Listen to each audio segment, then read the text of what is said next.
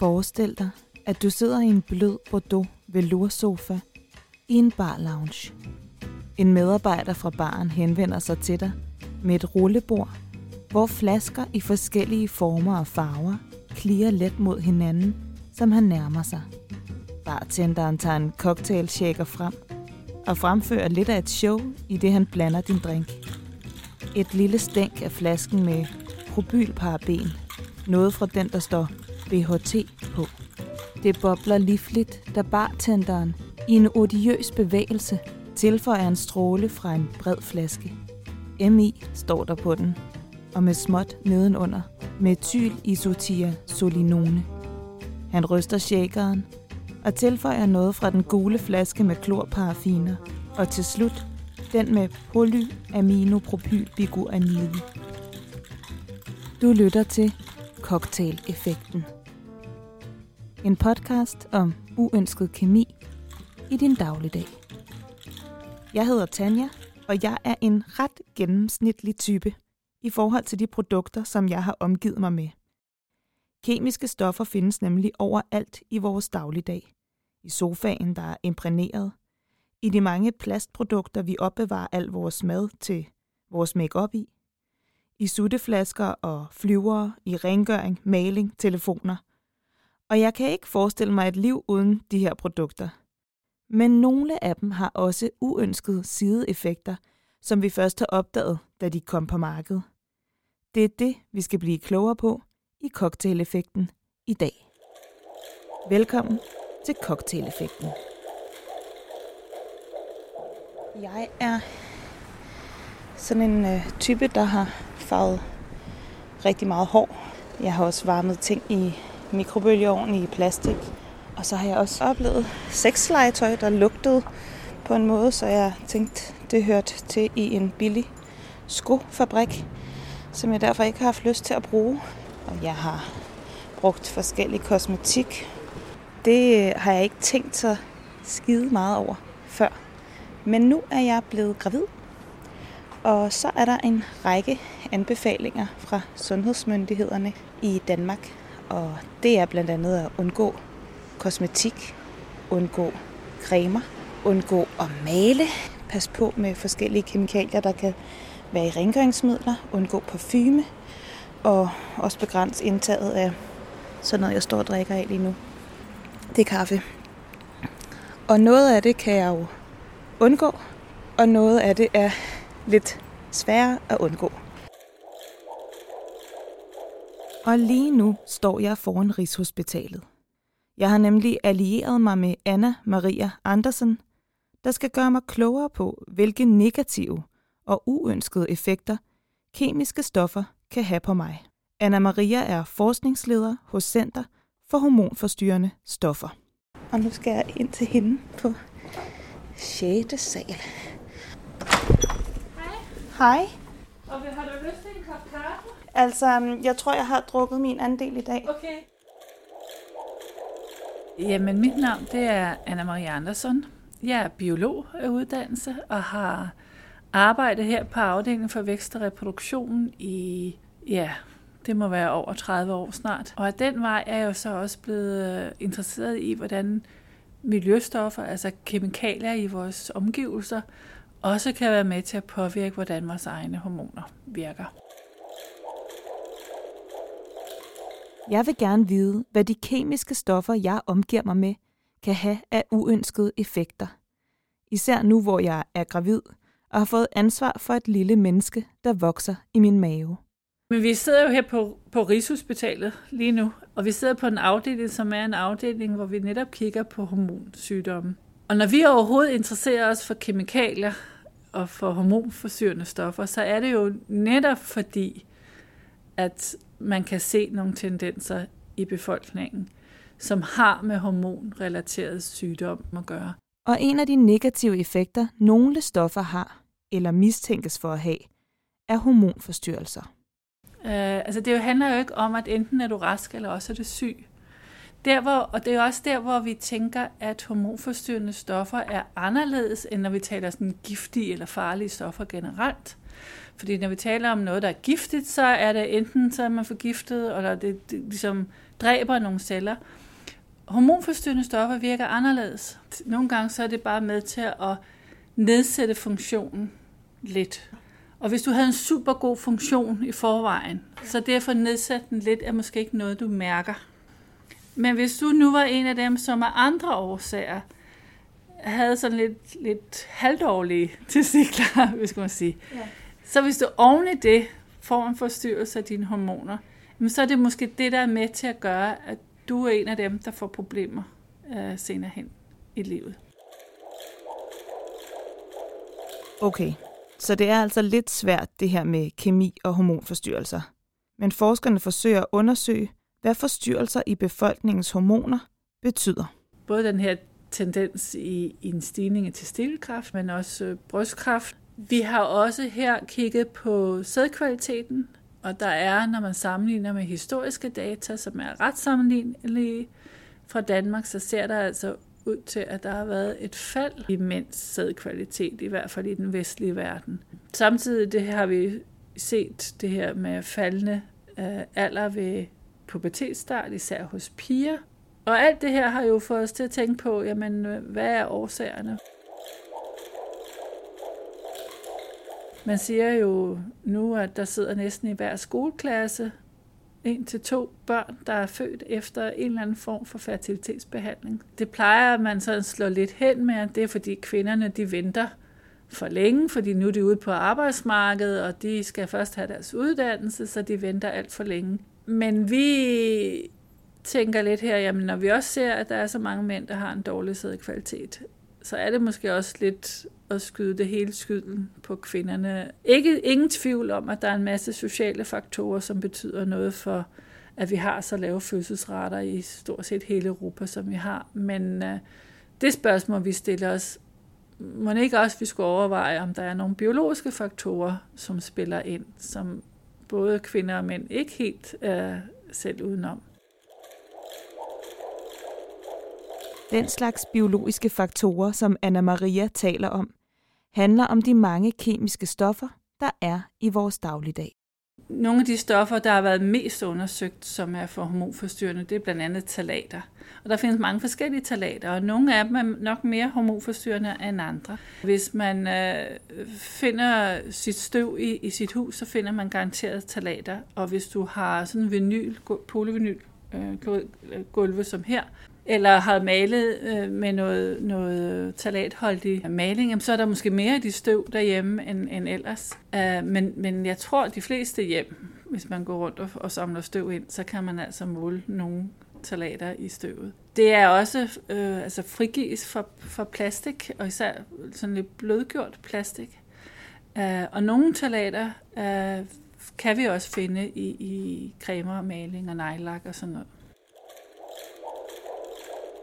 Og som gravid er det ekstra vigtigt, at jeg begrænser kontakten med hormonforstyrrende stoffer.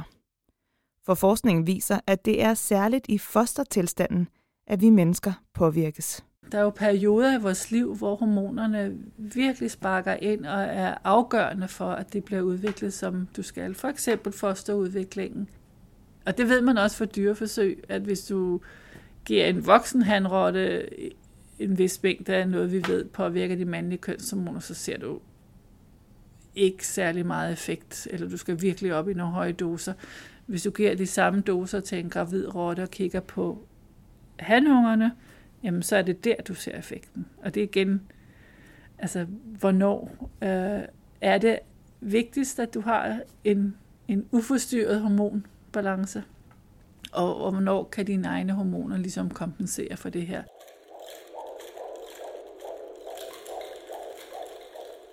Hvis der ikke er nok mandligt hormon, der virker som det skal under udviklingen af dreng og foster, jamen så er der forskellige grader af, at det kan gå galt. Noget af det kan jo så lede til en misdannelse. Mm. Noget af det kan lede til, at cellerne i testiklen ikke fungerer, som de skal. Og i værste tilfælde, at nogle af de her celler udvikler sig til kræftceller.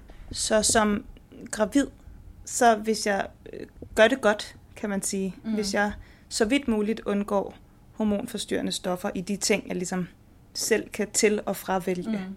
så mindsker jeg i hvert fald risikoen for, at mit barn udvikler testikelkræft. Ja. Er det rigtigt forstået? Øh, ja, det vil jeg mene.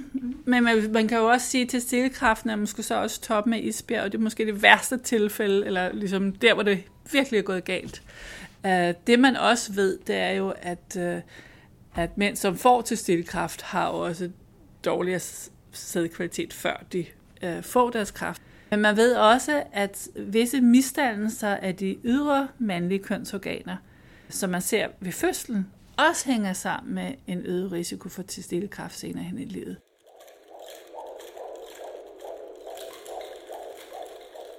Vi tænker også, at drengefosterne måske er endnu mere følsomme over for at få forstyrret deres hormoner end pigerne, fordi der skal altså lidt det her ekstra spark til, at en dreng øh, bliver udviklet til også ligne en dreng, når han kommer ud af sin mors mave. Nu sidder jeg bare og bliver sådan lidt glad for, at øh, jeg har fundet ud af, at det er en pige, jeg har mm. inde i maven. Så tænker jeg, så går jeg fri den her omgang, mm. eller hvad? Det er nok helt klart, at, at drengene har brug for det her ekstra mandlige kønshormon for at blive dreng. Og hvad betyder det så for kvinder, hvis man forstyrrer det her? Det, det er vi først ved at, at, at lære lidt mere om. Altså, og det man kigger på, det er jo selvfølgelig, har vi så de æg, man skal have? Kan det, kan det påvirke, hvor mange æg og, og funktionen af, af de æg, som man bliver født med? Uh, vi ved det ikke særlig uh, meget fra, fra, uh, altså fra menneskestudier. Uh, Øh, og det er jo også enormt svært at undersøge. Det, det er altså trods alt noget nemmere at få en sædprøve for en mand og vurdere, hvordan testiklerne fungerer på den basis, end det er at vide, hvor mange æg har en kvinde i sit uarie.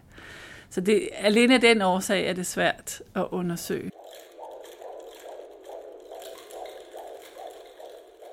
Som jeg hører det, så ved forskerne altså endnu ret lidt om, hvordan hormonforstyrrelser påvirker udviklingen af os mennesker, og mindst om, hvordan piger og kvinders hormoner påvirkes af hormonforstyrrende stoffer. Det gør ikke mit ønske om at undgå disse stoffer mindre. Men hvordan undgår jeg de her stoffer? Og hvorfor er de overhovedet i de produkter, jeg kan købe? Det har ham her lovet at gøre mig klogere på.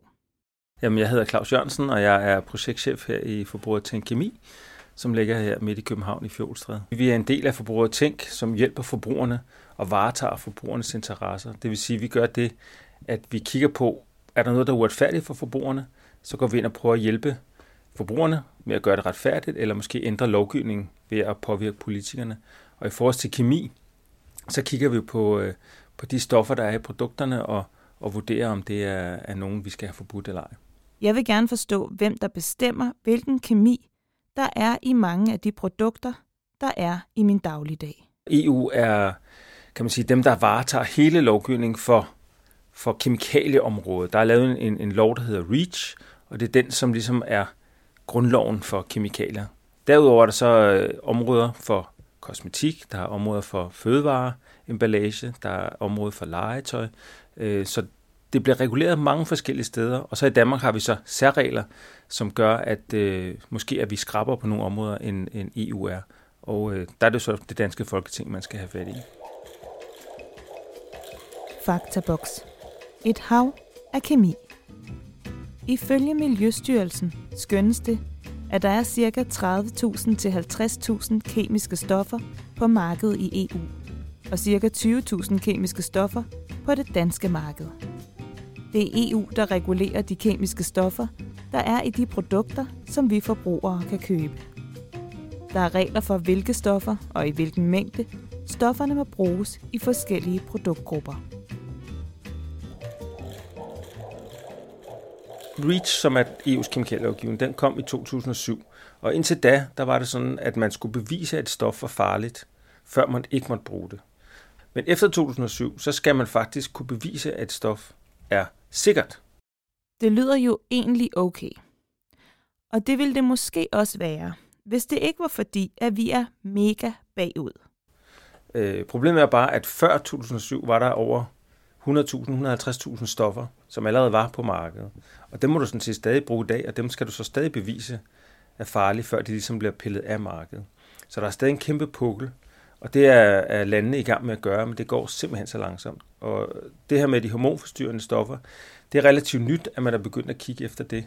Det er faktisk kun de sidste 20-30 år, man rigtig har forsket i det. Og øh, jo mere man forsker, jo mere finder man, at, at stofferne har de her effekter. Men de nye stoffer, som producenter vælger at tænke, det skal jeg da have i mit produkt, øh, der skal de så selv som producenter bevise, at det ikke er skadeligt. De skal kunne bevise, at den måde, de anvender det på, er sikkert ud fra den standard, som EU nu har lavet. Og den siger også noget om, at øh, det må ikke være kraftfremkaldende, det må ikke være, du må selvfølgelig ikke få allergi osv., ikke? Men, men den tager ikke højde nok for, at øh, du så også bliver udsat for det stof måske andre steder fra, eller udsat for et andet stof, men som har samme effekt. Øh, og det er det, vi skal have kigget på. Øh, og så bliver der ikke lavet så mange nye stoffer mere, øh, også fordi det er svært og dyrt. Øh, men de, alle de gamle er der derude, og dem skal vi jo have tjekket op på. Så det er bare lige 150.000 forskellige stoffer, vi lige skal have tjekket op på? At det er mellem 5 og 10.000, der er sådan nogenlunde kontrolleret og tjekket, øh, men så er der jo så ja, 100, ja, over 100.000 tilbage i hvert fald, ikke, som man bør kigge på. Anna Maria bekræfter uvidsheden om de produkter, jeg omgiver mig med. Vi ved simpelthen ikke nok om det her. Man talte jo slet ikke om hormonforstyrrelser for 35 år siden. Altså det er jo noget, vi har man begyndt at snakke om for, for cirka 30 år siden, og som man først rigtig er begyndt at snakke om de sidste 20 år. Så mange af de her kemikalier har jo aldrig rigtig været undersøgt for de her effekter. Så man har et, et meget stort efterslæb på, hvis vi siger, at vi skal til at, at, at finde ud af, hvor mange af de her stoffer, som vi egentlig bruger, og som er i vores miljø, hvor mange af dem har de her effekter, det, det er... Det, der er et stort, øh, gråt, ukendt landskab i, i det her. Hvad der dukker op der, det ved vi jo ikke.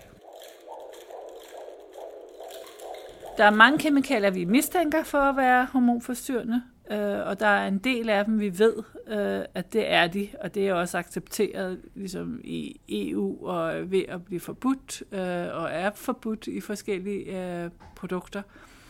Men der er endnu flere, som vi har en mistanke om, og der skal rigtig meget til, før at de når til, at de bliver forbudt. Jamen, hvorfor, er man ikke, hvorfor har man ikke undersøgt dem alle sammen? Nogle af dem har jo været på markedet i 50 år. Øhm, jo, jo. Men altså, så nu snakker vi om det. Ja, men hvis man kigger på, var det i, i, øh, her for et par år siden, der blev så fire talater nævnt øh, i, eller i EU øh, reguleret, fordi de var hormonforstyrrende. Der ligger nok 20 års forskningsresultater bag, at man nåede til den konklusion, at de her fire talater, de er hormonforstyrrende, de skal reguleres, de skal ud af vores produkter. Og hvad, hvad det har kostet i uh, millioner, for at ikke sige milliarder i forskning, at nå til den konklusion. Og det er fire stoffer, vi taler om. Så, så du kan jo godt se, hvis man skulle undersøge alle, alle dem, så er det altså et, et, et, et større arbejde. Men man, man, man er jo begyndt på at kigge på, om kan man gøre det mere effektivt. Skal man gøre det lidt mere i grupper og sige, hvis der er nogle talater, der er det, så må man ligesom sige, indtil andet, det modsatte bevis, så, så er det stoffer, vi ikke vil have. Øh, omvendt kan man sige, at vi bruger jo også salater i dag mange steder, og der er også nogle af dem, der ikke ser ud til at være så skadelige. Øh, så det er jo ikke nogen nemme opgaver. Det er faktisk nok der, at vi har et efterslæb af, at vi har, har nok været lidt optimistiske med at, at skabe alle de her kemikalier og lave dem og producere dem og bruge dem på grund af alle de fantastiske egenskaber, de har. Men, men øh, ja, nu gælder det om at så prøve at finde dem blandt, blandt de mange, som vi så helst skal fjerne. Er du forvirret? Det er jeg. Er du også blevet lidt bekymret? Det er jeg i hvert fald. Jeg synes faktisk ikke, det er rart at høre om det her efterslæb. Men der er også en anden udfordring – Måden EU regulerer på i dag, fungerer nogenlunde sådan her. Altså det, som øh, lovgivningen gør, det er jo enten forbyder man et stof, hvis man mener, det er så, så farligt, at man ikke vil have det, så er det forbudt, og det er jo, det kan man sige, det er den bedste måde at undgå det på. Men andre gange, så laver man grænseværdier, øh, og så siger man, der må være så og så meget i for eksempel kosmetik, og hvis du er over den grænse, så er det ulovligt, men hvis det er under den grænse, så må det godt være der. Og det samme gælder for legetøj eller fødevareemballage. Så laver man grænseværdier, og det er så det, der gør, at man, man godt må bruge det. Vi er altså bagud med at få gennemgået den kemi, der allerede er på markedet. Men den måde, vi lovgiver på fra nu af, har også sine udfordringer. Claus Jørgensen og Forbrugerrådet Tænk Kemi er nemlig kritiske over for det med grænseværdierne.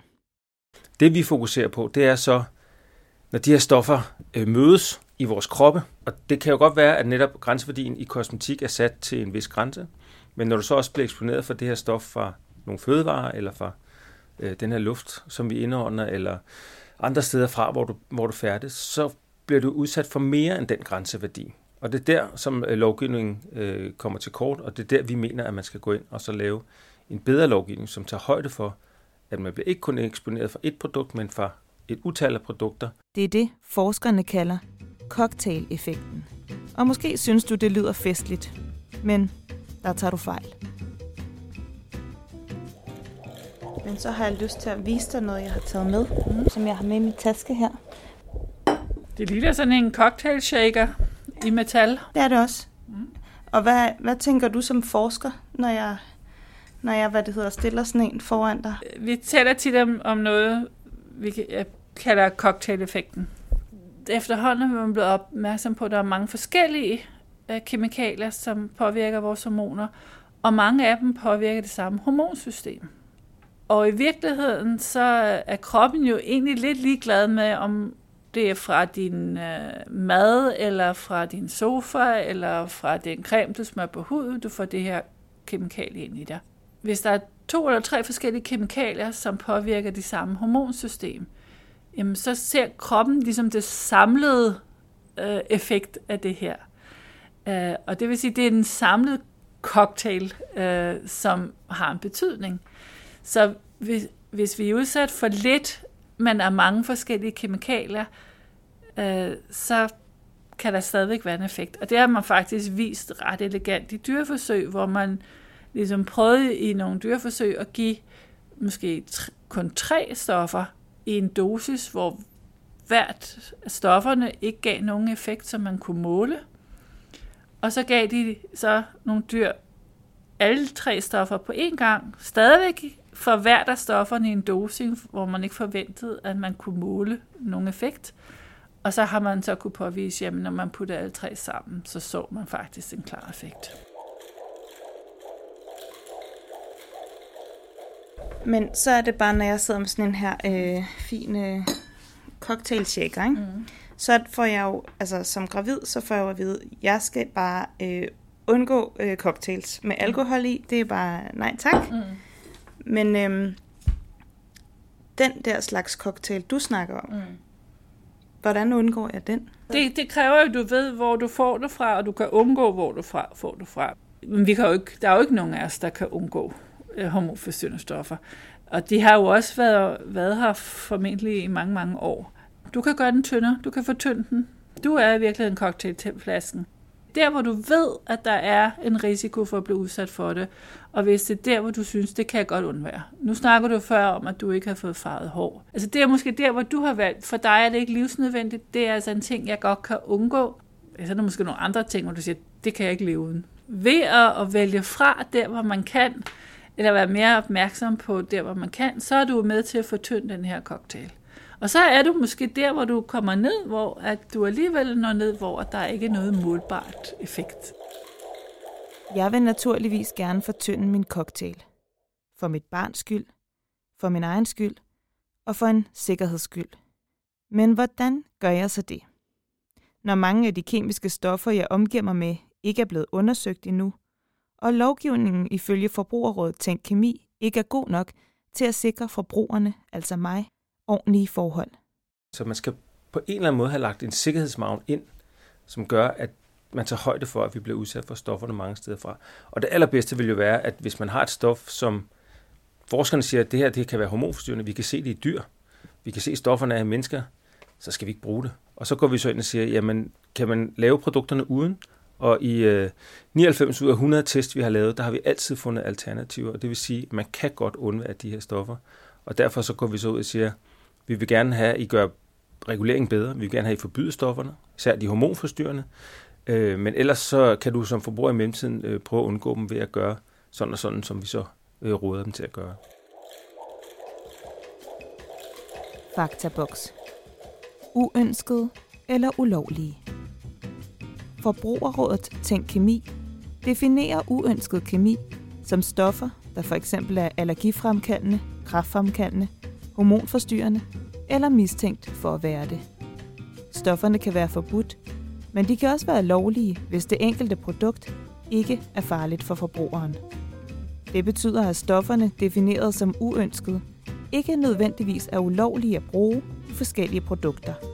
Hvis du vil undgå stofferne, kræver det derfor, at du selv aktivt vælger dem fra. Vi kigger på det, vi kalder uønskede kemikalier. Det er dem, der ikke er reguleret endnu, øh, men som vi ved noget om, øh, og som måske lige om lidt bliver reguleret. Men i det her, vi kalder det et tomrum eller et vakuum fra, vi ved noget, altså forskerne siger, det her stof det er problematisk, vi er nok nødt til at gøre noget ved det, indtil øh, politikerne laver en lov, der kan gå nogle gange 5-10 år, før der sker noget. Og i det tomrum, der vil vi gerne hjælpe forbrugerne, og der går vi så ud og siger, her der kan du finde det her stof, det skal du undgå, og det kan du gøre ved at gøre sådan og sådan. Og det stiller vi selvfølgelig øh, redskaber til rådighed øh, ved test eller diverse apps, som vi laver. De apps, som Claus Jørgensen taler om, er Kemiluppen og appen Tjek Kemien. Og dem ser jeg nærmere på i de næste to afsnit af cocktaileffekten. Vi er nødt til at kigge på, hvordan vi kan på en eller anden måde ud, altså udarbejde en risikovurdering for kemikalietrykket. Altså det, vi snakker om hende hos os, det er, at vi bliver udsat for en, eller vi er med sådan et stort kemikalieeksperiment, øh, og hvor vi ikke rigtig ved, hvordan det ender endnu. Men øh, der er simpelthen nogen, der skal komme op med en, med en, en metode, som regulerer den der totale udsættelse. Og det er noget af det, som EU heldigvis vil kigge på her de næste 3-4 år. Hvordan synes du, jeg er stillet som forbruger? Og nu tænker jeg ikke bare på at være gravid, nu tænker jeg bare helt almindelig dansk forbruger. Nej, altså som sagt, så synes vi ikke, at lovgivningen er god nok på kemikalieområdet. Det, skulle, det skal være bedre, og der er mange flere stoffer, der skal forbydes. Og det er noget af det, som vi arbejder hårdt på i, i forbruget, men har gjort det i mange år. Det går langsomt, det gør det. Altså det her med kemikalier er ikke lige så højt op på den europæiske dagsorden, som den er i Danmark. Øh, og det gør bare, at øh, så sker der ikke lige så meget, og derfor går det lidt langsommere. Og lige nu er det sådan, som vi snakker om, ikke, at, at der skal forskning til for at få øh, bevist, at de her stoffer faktisk er skadelige. Og så længe øh, opfattelsen er, at ah, men det, det enkelte produkt det er nok ikke et problem, så, så sker der ikke så meget. Men jo flere politikere man kan få overbevist om, stofferne er i alle de her forskellige produkter. Vi bliver udsat for dem. Vi kan se det øh, på vores børn, når de bliver født. Vi kan se, at de ikke kan få børn, når de skal have børn senere i livet. Øh, så er de måske villige til at gøre noget. Øh, men det er, en, det er en lang sej kamp. Men, men Danmark prøver at presse på. Både Claus fra Forbrugerrådet Tænk Kemi og Anna Maria fra Center for Hormonforstyrrende Stoffer forsøger at berolige mig, den gravide kvinde i rummet. Det er jo, vi er jo også opmærksomme på, at det ikke skal være en, en skræmmehistorie. Altså, de fleste børn er heldigvis sunde og raske. Det skal nok ende godt. Du skal ikke være bange. Altså, jeg, jeg synes jo, at når man er gravid, så skal, skal man, man skal også passe på ikke at blive for øh, usikker eller nervøs eller bange. Øh, det vigtigste er at have det godt og det er virkelig pænt af dem. Faktum er bare, at jeg er med i et eksperiment, hvad enten jeg ved det eller ej. Som hverken forskere, lovgivere eller forbrugerorganisationer kender resultatet af. Men altså, skal det ikke lidt være en skræmmekampagne? For jeg synes bare, det lyder også lidt alvorligt, Jamen, at der er så mange stoffer øh, i de forskellige produkter, som vi ikke kender betydningen af. Og når du så siger til mig, hvis vi blander dem i, mm. I, i den her cocktailflaske, som i virkeligheden er vores egen krop. Mm. Vil du, har du ikke lyst til, at vi skal blive, blive lidt skræmt? Vi skal i hvert fald være opmærksom, og vi skal tage det alvorligt. Så, så ja, jo, det er alvorligt. Men, men øh, vi skal også leve i det. Og, og, og det betyder ikke, at vi skal acceptere det hele. Selvfølgelig skal vi gøre opmærksom på, at det her er problemer, vi synes, vi burde have bedre styr på det. Og hvad er så drømmescenariet for der, hvor du står og forsker i det her, kan se, der er nogle tendenser. Der er hormonforstyrrende stoffer i omløb, som påvirker øh, udviklingen af mennesker hormonelt. Mm. Hvad håber du? Jamen, jeg håber på, at vi begynder at se, at, en, at de her, nogle af de her tendenser, vi har set, begynder at vende. Øh, fordi man kan også sige, at noget af det er jo også måske noget, der er foregået for 20 år siden, eller hvordan det så ud for 20, 30 og 40 år siden. Øh, og der er jo stoffer, der er blevet forbudt undervejs. Skræmmende er jo, at, at noget af det, vi bliver udsat for i dag, er, ser vi måske først den fulde effekt af om, om 20-30 år, når vores børn bliver voksne. Det er, jo, det er jo virkelig skræmmende, men omvendt kan man jo sige, at det vi ser i dag, og de tendenser vi ser i dag, er måske resultatet af noget, der skete for 20-30 år siden. Og måske er, er vi allerede på vej til noget, der er bedre. Vi har bare ikke set, at det har vendt endnu. Center for hormonforstyrrende stoffer har været her siden 2008. Er man blevet bedre til at regulere og, og stoppe, øh, hvad kan man sige, det med at sætte nye produkter på markedet med uønsket kemi siden? Ja, jeg vil sige, vi har i hvert fald gjort rigtig meget for at prøve at hjælpe med at udvikle de værktøjer, som myndighederne skal have for at kunne vurdere, om en kemikalie er hormonforstyrrende, eller som producenten kan bruge til at vise, at jamen, det, det kan klare den her screeningstest. Um, det er nok der, vi er. Det håber jeg i hvert fald, at det bliver ligesom tænkt med ind, når man laver nye kemikalier, at i højere grad, end det har været gjort tidligere. Uh, hvad vi gør med hele bagkataloget, det, det svæver bare derude i cocktailen. Ja, altså der har vi jo en lovgivning, som, som øh, jeg tænker, at det er et spørgsmål, hvor meget pres man lægger på, at, at dem, der producerer det, også kommer med de oplysninger, der er behov for at, at bedømme det. Altså erfaringsmæssigt, så kan vi jo se, at der kan være både 10 og 20 år imellem, at, at de første forskningsstudier viser, at her er altså noget, der tyder på det her hormonforstyrrende til, at det bliver reguleret. Og skal man i mellemtiden bare sidde og vente på, at det bliver reguleret, eller skal man tage sine egne forholdsregler? Det er jo det er jo nok lidt, hvad man er, har temperament, og det må være en personlig beslutning. Der er jeg der nok der, hvor jeg tænker, jamen, jeg tager nok mine forholdsregler der, hvor jeg, hvor jeg kan, og hvor jeg synes, det giver mening for mig.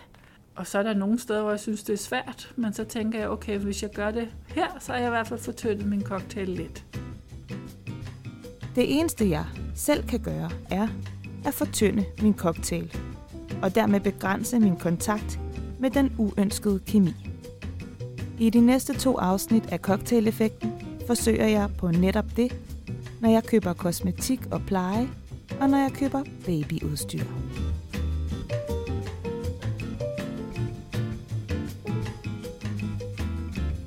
Cocktail-effekten er produceret for Forbrugerrådet Tænk Kemi af mig, Tanja Kjeldgaard.